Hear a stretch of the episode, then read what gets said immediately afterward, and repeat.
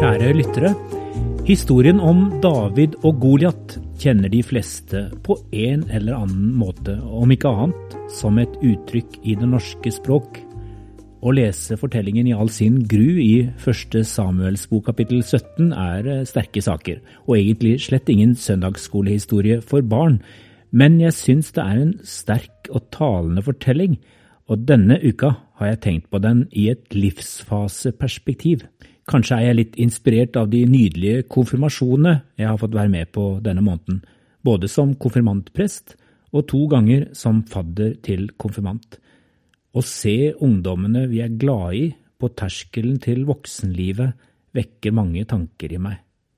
I fortellingen om David og Goliat er både Davids storebrødre og kong Saul svært skeptiske til at David har noe å gjøre i felten blant de voksne krigerne. Kong Saul sier, Du kan ikke gå mot filisteren og kjempe med ham, du er jo bare unggutten, og han har vært kriger fra ungdommen av. Jeg har på en måte litt godhet for Saul, som helst ville beskytte David. Etterpå tilbyr han David i det minste å bære hans rustning. Det er den voksnes styrke og livserfaring som taler. På en måte ønsker jeg ikke at sånne voksne som Saul skal abdisere når unge, fremadstormende krigere skal kjempe for det godes sak. Det er Sauls plikt å vise ansvar, tenke sikkerhet og risikoanalyse. Men det er også en helt nødvendig livsfase David er i, og som unge må få lov til å være i. De kan ikke bare hvile på sine laurbær som eldre ofte kan, men de skal ut og teste grenser for å gjøre erfaringer både av mestring og motstand.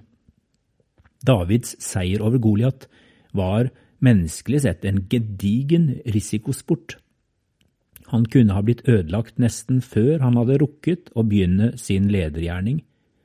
Det er solbrødrenes og Sauls voksne plikt å påpeke at dette er dumdristig. Er ikke dette litt tidlig, David?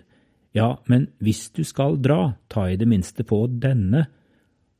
Og samtidig kan i realiteten ikke Sauls erfaring og opparbeidede kompetanse, rustningen, bæres av David i strid. Skal han utpå, må det være som seg selv, med de åpenbare farer det innebærer. I dette tilfellet er det David som lærer de andre store og voksne noe om tillit og overgivelse til Gud i sitt ungdommelige overmot, for det er jo litt overmot her. Det kjenner jeg meg også igjen i. Jeg lærer så mye av å være sammen med unge. Jeg ser mange likhetstrekk til min egen omgang med unge troshelter som skal opp og fram. Her er dagens spørsmål til ettertanke for meg når jeg leser David og Goliat i et livsfaseperspektiv. Hvilke ungdommer har Gud gitt meg å være en voksen stemme for? Og i møte med disse, hva er min rolle akkurat nå? Hvordan viser jeg omsorg ved både å holde igjen når det trengs, og dytte dem ut i nødvendige mestrings- og motstandssituasjoner når det trengs? Hva taler Gud til meg om dette i dag?